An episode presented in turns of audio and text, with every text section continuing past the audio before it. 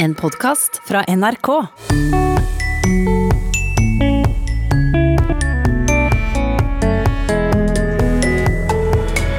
Dialekt er nokså vanlig når vi skriver i sosiale medier, men sjøl her dukker pekefingeren opp. Det er mange tidligere som har sagt at det er skriving i sosiale medier når man ikke skriver på, en måte, på et normert språk, er helt regelløst. Det viser seg jo i hvert fall i mine funn da, at ikke stemmer. Duldæsj og dulerutt er begge alternative ord for dings, og jammen fins det ikke enda flere slike rare ord. Så enten så vet du ikke navnet, eller så bryr du deg ikke om å tenke etter hva det er, og så tyr du til slike, slike laginger som det der. Og i sommer skal vi mimre i Språkteigen. Når begynte vi å si du i stedet for høflige de? Jeg syns at man bør eh, velge de en gang imellom. Vel møtt til Språkteigen. For noen uker siden så fikk vi inn et spørsmål til Språkteigen om ordet dulldæsj. Det var Øyvind som fortalte at hans mor brukte det ordet der han ville brukt ordet dings. Tor Erik Gjenstad kunne ikke forklare direkte hva dette ordet kommer av, men han ville gjerne ha tips om flere slike ord. Det er mange slike for en sånn ospesifisert dings, dippedutt. For å ta et par på trøndersk, så kan det være både en dulerutt og det kan være en fjutt. altså når, når, du ikke vet presist hva det faktisk kalles, så tyr du til slike ord. Og Det kunne være artig om folk kom med de her dippedut-ordene sine. Ja. Så kanskje kunne finne et mønster til det. Ja, og vi har fått inn noen flere eksempler på duppeditt-ord. Blant annet fra Maiken, som har vokst opp i Vestfold, og hun kunne fortelle at hun brukte ordet knås, og knåser ble oppbevart i knåsskuffer, knåsesker eller knåsskåler, og det hadde heller ikke Tor Erik Gjenstad hørt om før. Uh, nei, det var noe egentlig nytt for meg. Uh, I norsk ordbok så er knås uh, nevnt betydning rasling eller oro. Det kan vel henge sammen med knas på noe vis, at altså, ting går i knas. Slik at du har, har, det som en variant på det. Eh, for da blir det en masse små, små uspesifiserte biter. Så det er vel det jeg tror jeg kan si om det i farten. Men det er artig det her at det er så mange forskjellige ord for det. Eh, det er jo da altså, uspesifiserte små gjenstander. Eh, så enten så vet du ikke navnet, eller så bryr du deg ikke om å, å tenke etter hva det er, og så tyr du til slike, slike laginger som det der. Ja, og hun sier jo det, Maiken, at det knaste jo riktig livlig når vi lette oss gjennom skuffen etter den rette knåsen. Akkurat, det. Jeg tror det må være en sammenheng på et eller annet slags vis der. Og så er det Otto Prytz som kan bidra med et dippedutt-ord. Eh, som far hans brukte, og han var fra Steigen i Nordland. Han kunne kalle en dings for en hurrik. Jeg har hørt den kalle en batterieliminator hurrik, f.eks., skriver eh, Otto. Ja, eh, der fant vi faktisk også i arkivet til Norsk ordbok, eh, nettopp fra Steigen, med eksempel eh, 'Finn en hurrik så jeg kan bli hjelpen'. Ja. Et eller annet sånn redskap i, i all hast. En nødvendig ting som en ikke er helt sikker på hva er hit. Nei, ikke helt hva det kommer av, det der. Og en del slike ord kan jo være temmelig individuelle òg. Men det her måten jeg laga det på, altså med det her suffiks som ikk, eh, det finner du jo i redskap. Du finner f.eks. Eh, ting, da, leddikk og møttrikk og, og, så videre. Så mønsteret er jo der. Og hva som er rota der i hurrik altså Du har jo noe med, med hurk som kan være ei, ei eller en utvekst av noe slag. Så om det er det det har starta ut som, det, det blir nå et skudd ifra hoften, det, da. Kan det ha noe med mekanikk å gjøre, da? Ja da, altså mekanikk og leamikk og de her eh, endelsene der, det spiller nok inn ja, når du får slike ord som det der. Ja. Og så til et ord som jeg kjenner meg igjen som jeg husker vi brukte når vi var yngre, nemlig ordet dingsboms. Det brukte vi alltid, skriver Nils eh, Langeland, og dette var i Bærum i 50-60-åra. Ja. ja, dingsboms, det det kan se ut som det kommer direkte fra tysk, for det finnes i tysk. Ja. Og det er nok ei utviding av Altså, dings Eh, det er også fra tysk, og det er jo egentlig flertall av ding, altså ting. Ah. Så det har kommet inn som en dings. Mm. Men, eh, og dingsboms det er nok da eh, direkte fra tysk. Nei, det er, det er mange ord her, og jeg kan jo nevne da, altså selve ordet duppeditt. Det mener de jo er kommet fra fransk to petit, bitte liten. og, og, hvis det får lov å bli litt privat igjen, så kan jeg ta et, nevne et ord som har levd litt i slekten min. Det var bestemor mi. de har et gammeldags telefonapparat oppå, oppå veia da. Eh, med en sånn bakelitt-tapp på. Mm. Og så var det naboen var inn der. Eh, og han laga så mye ord, han hadde mye replikker og herma etter han. Og bestemor mi hun satt og fingra med den der tappen. Og så datt den ned og, og, og rulla bortover gulvet, og så satte hun til et kauk. Og det samme så kom dattera inn og lurte på hva som sto på, og da sier han det han naboen som var inni at det var konseluren som datt av. og, og, ja, og det er faktisk uh, Som i slekten min har jo adoptert det ordet konselur og bruker det om f.eks. fjernkontroller og slike dingser. Det har blitt til konselurer. Men det er nok helt uh, privat, og slik tror jeg det, kanskje det kan være en god del av. Nemlig så det lages sånne dingsord rundt omkring i de tusen hjem, nærmest? Ja, det tror jeg helt sikkert. Dulldæsjer, hurriker, knåser, dulrutter eller konselurer, alt ord for små, uspesifiserte dingser. Takk til deg, Tor Erik Gjenstad.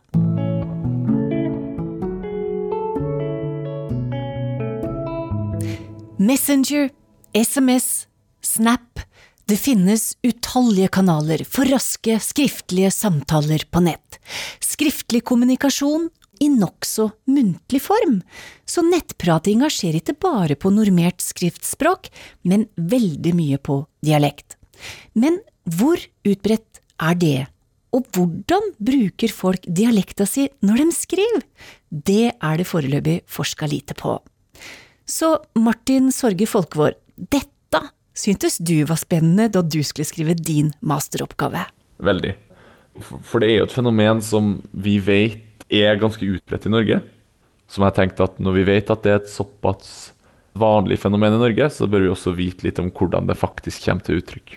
Ja, og du gikk inn og forska på en gruppe unge trøndere, og det første du fant var jo at alle skrev en slags dialekt. Eh, det spørs litt hvordan man ser på dialekt. Eh, man må nok si at man ikke skriver dialekt sånn som man snakker det, men det er definitivt dialekttrekk. Så det aller mest presise er nok å si at man skriver talemålsnært.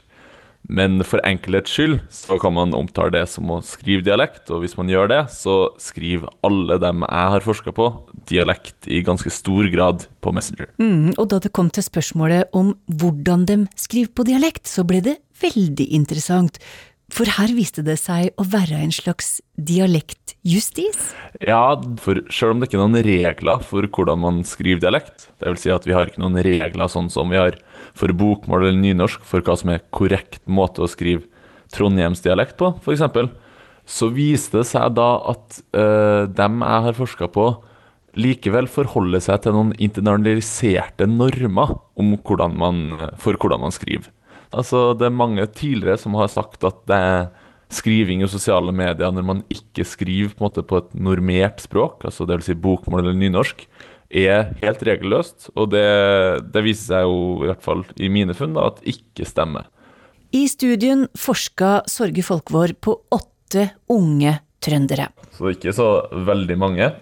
Men jeg forska på da åtte som alle kommer fra Trondheim, som er mellom 21 og 26 år. Og som har bodd i Trondheim i hele livet. Og Det siste er litt viktig, for det betyr at de har på en måte ikke en påvirkning fra, fra andre dialekter som kan ha noe å si for hvordan de prater. Så var halvparten av dem eh, personer med høyere utdanning eller i høyere utdanning. Mens halvparten av dem var yrkesfaglig utdannet. Så det vil si de vanka ikke i samme miljø? Nei, det var tanken. Å få, få, informanter som har litt ulik bakgrunn, og se om det har noe å si for hvordan de uttrykker seg skriftlig.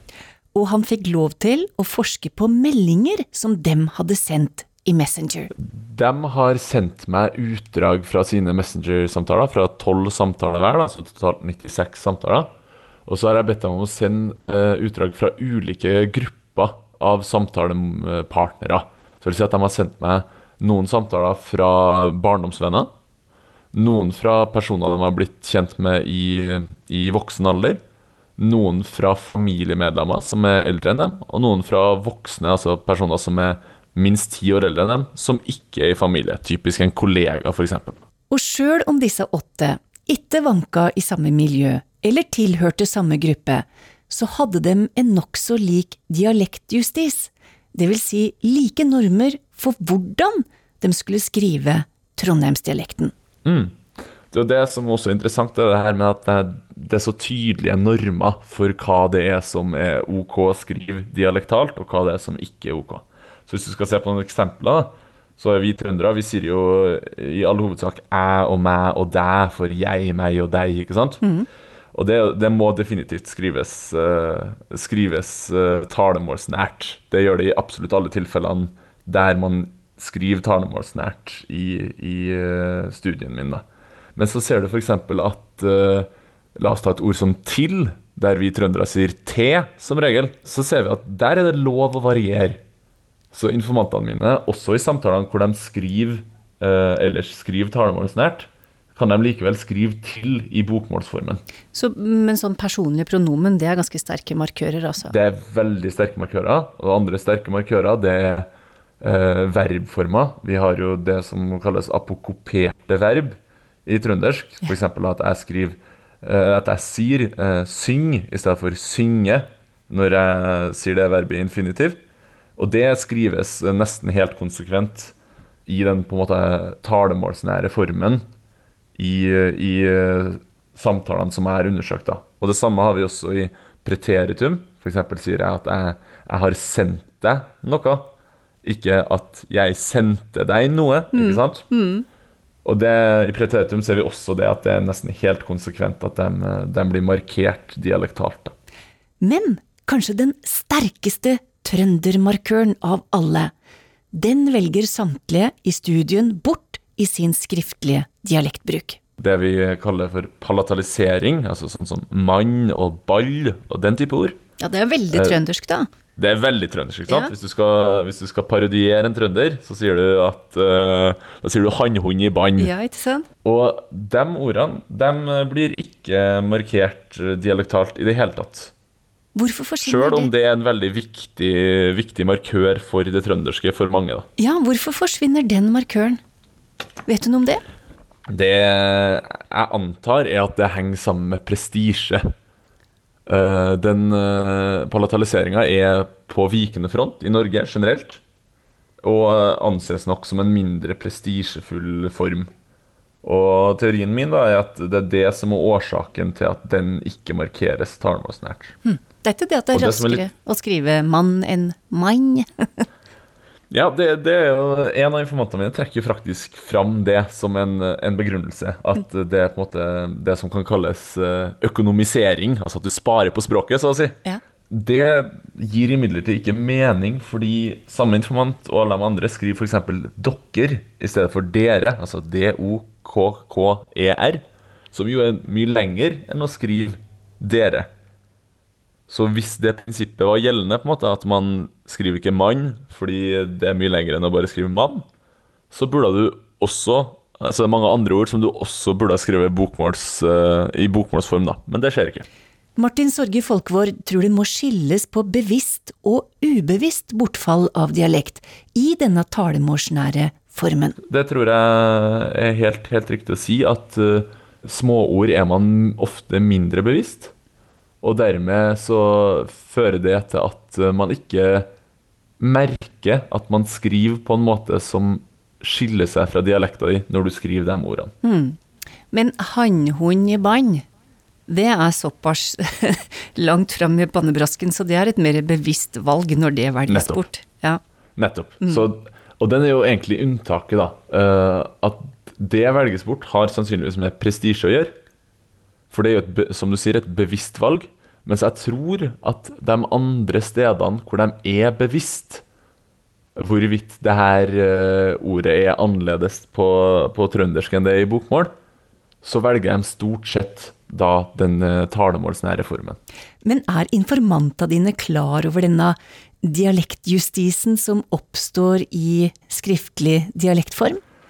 At de skriver talemålsnært, det er veldig bevisst. Og så er spørsmålet er de bevisst de her på en måte, reglene. Så er nok svaret nei. For de, jeg spurte dem alle direkte om det finnes en korrekt måte å skrive eh, talemålsnært på. Ja. Og det svarer de nei på. På tross av at de alle skriver talemålsnært nesten helt likt. Studien sier òg noe om hvem deltakere velger å skrive dialekt til, og det svaret var litt overraskende for Sorge Folkvord. Jeg trodde f.eks. at jeg kom til å finne at eh, man skriver talemålsnært til personer fra uh, Trøndelag, men ikke til personer fra utafor Trøndelag. Mm. Det har i stor grad vist seg å være feil. Så det var jo egentlig et ganske overraskende funn for meg. Så hvem skriver dem dialekt til, da? Flere av informantene sier jo at uh, de skriver uh, talemålsnært til alle som, uh, som eh, de opplever at har en dialekt. Dette er en veldig vanlig sånn eh, skal vi si, folkelingvistisk oppfatning at østlandsk ikke er en dialekt, eller sentraløstlandsk, Oslo-målet, ikke sant? At man, eh, mange som sier at man snakker bokmål. Det er jo vi veldig- språkvitere veldig nøye på at ikke stemmer.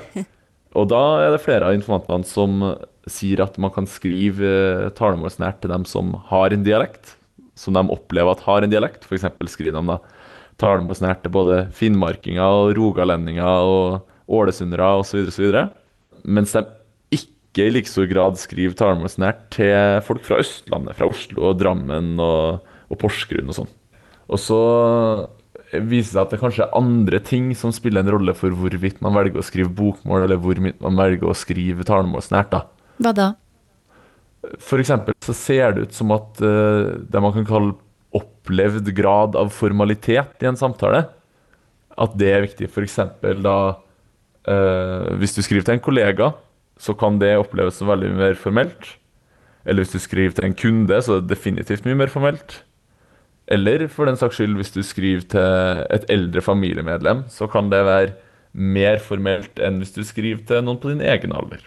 Så det vi ser, er at de som skriver talemålsnært, eller de som skriver dialekt, da, for å si det enkelt, de eh, gjør det i aller størst grad til barndomsvennene sine. Det gjør absolutt alle. Og så gjør de det i stor grad til personer de har blitt kjent med i voksen alder, men som er jevnaldrende som dem. Eh, og så gjør de det i mindre grad til, eh, til eldre personer de ikke er i familie med, f.eks. kollegaer eller eh, bekjente av foreldre, den type ting. Eh, og så varierer det litt på hvordan de skriver til familiemedlemmer. Du, hva har overraska deg mest i det prosjektet her? Det tror jeg nok er det at det finnes såpass tydelige normer for hvordan eh, de skriver. Og det at de ikke er bevisst de her normene. Altså det at de sier at du kan skrive akkurat sånn som du vil når du gjengir dialekta di i skrift, men de skriver helt likt hverandre. Det sa Martin Sorge Folkvord, som har skrevet masteroppgave på skriftlig dialektbruk i sosiale medier.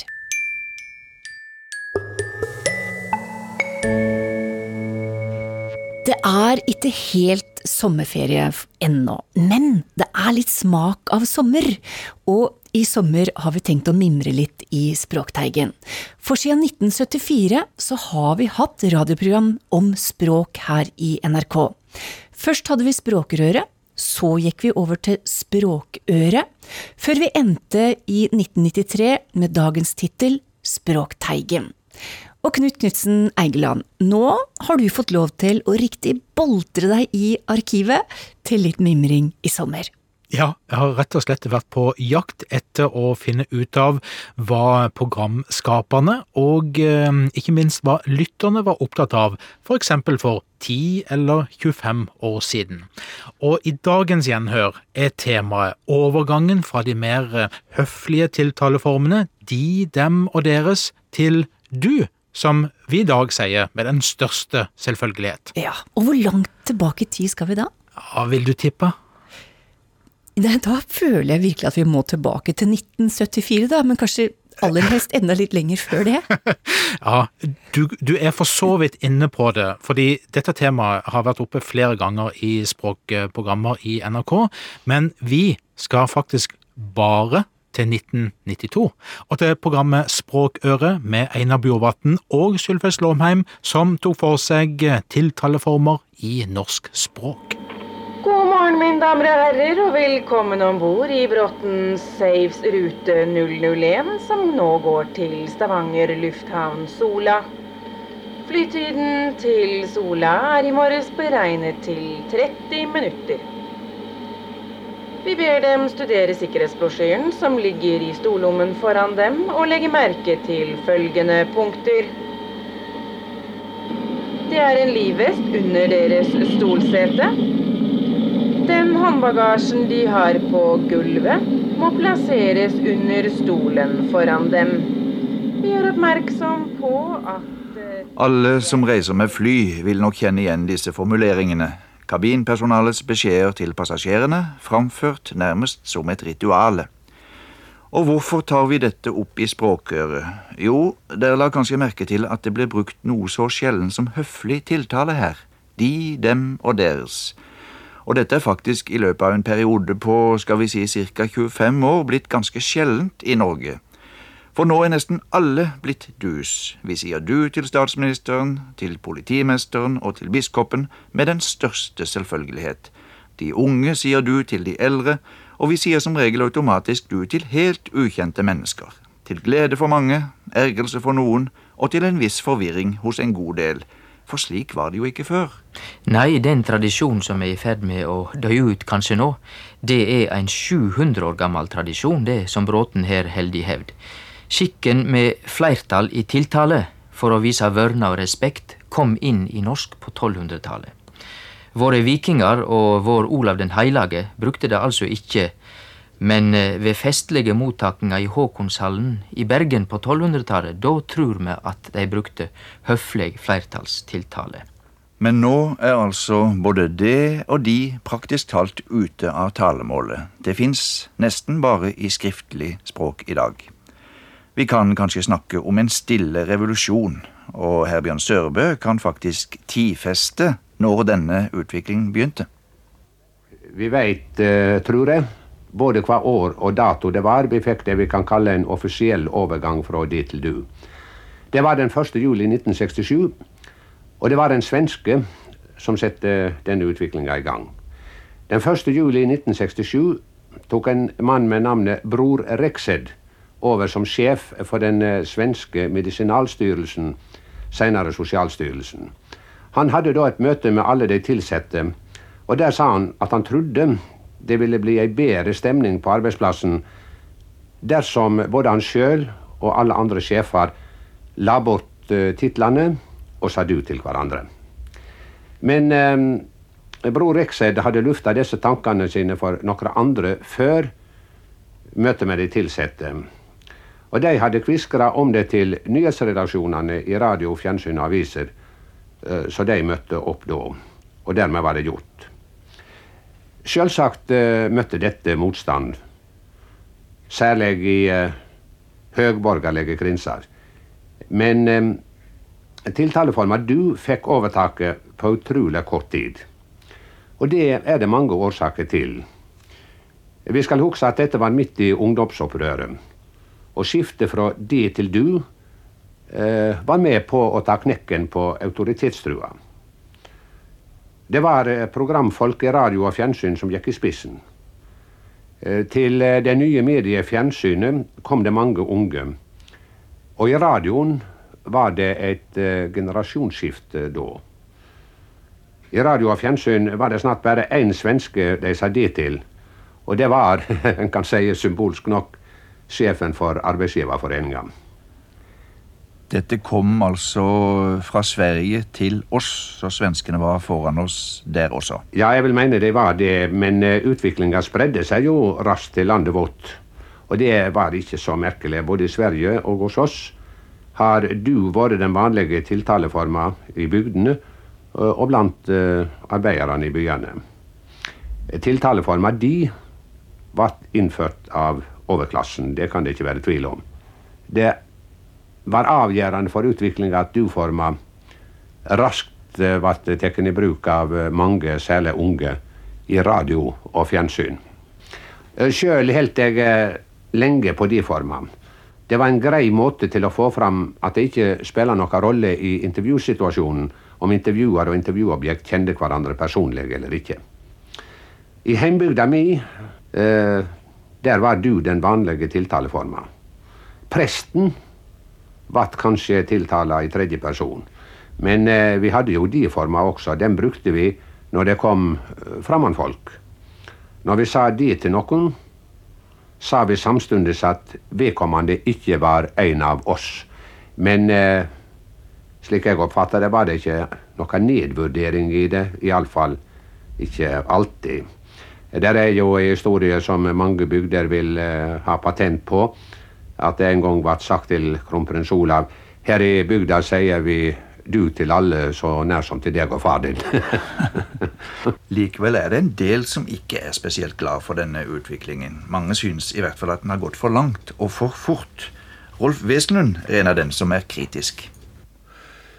Jeg syns at man bør eh, velge de en gang imellom, eller statsminister, når en statsminister uttaler seg som statsminister. Og øh, noen har jo ment at om intervjuer og intervjuobjekt er personlige venner, så bør ikke det komme frem i intervjuet. Jeg, jeg syns noen ganger det er fordel Jeg har lært mine barn å bruke de-formen for å skape en formell avstand. Ikke nødvendigvis sånn følelsesmessig menneskelig avstand, men for å markere at jeg vet at du er sjef, og jeg vil gjerne si de inntil videre. Nå kan man, man kan si de på andre måter. Man kan bruke tittel, f.eks. Man sier statsminister. Vil statsministeren uttale seg om dette? Men det derre du og gro og sånn, det, det, klarer jeg ikke. Det er, en, det er, en, annen form. Der er jeg veldig uh, nøye på. Jeg reagerer negativt. Noen tar den personlige tonen. Men uh, det er vel stikk imot utviklingen i uh, de fleste utland? Ja, i det anglosaksiske så bruker de jo du. Og der henger det jo ofte på fornavnet også. Eh, og hvor den som blir intervjuet, slenger på fornavnet på, på intervjueren og, og, sier 'Vel, Einar, når du spør om det, så vil jeg for det første si det, Einar'. Men det er omtrent sånn som vi får sånne brev i posten hvor det står uh, uh, 'Kjære Rolf Wesenlund. Vet du, Rolf, at du har vunnet premie, Rolf?' Du er egentlig litt formell, du, altså? Ja, jeg tror formalitet har visse fordeler i seg. Av en historie, forresten. Det er jo i visse nasjoner hvor hvor det der med du og de bare fremkommer skriftlig. Jeg hadde en venn av meg som skulle overta en stor jobb i England. Vi lagde tale på han, han gikk nesten fem på det. Da skulle han begynne å si Hello everybody, I'm from Scandinavia, you can see you to me. det er uoversettelig, men Det var en uh, mor til en uh, venn av meg som, som, er svensk, som var i et selskap hvor vertinnen sendte henne sausenebbe og sa uh, såsas det her sauses det her, for å unngå å si du eller ni. Det sa Rolf Wesenlund til slutt i dette gjenhøret med Språkøret fra 1992, der du ellers hørte Herbjørn Sørbø, Sylfest Lomheim og Einar Bjorvatn. Og Knut, vi skal fortsette å mimre neste uke, og hva skal vi høre om da? Da skal vi prate om språket for de som er opptatt av å innynde seg hos andre gjennom kontaktannonser. Men dette var alt for i dag, og har du spørsmål til Språkteigen, skriv til oss på teigen krøllalfa nrk.no. Ha det bra.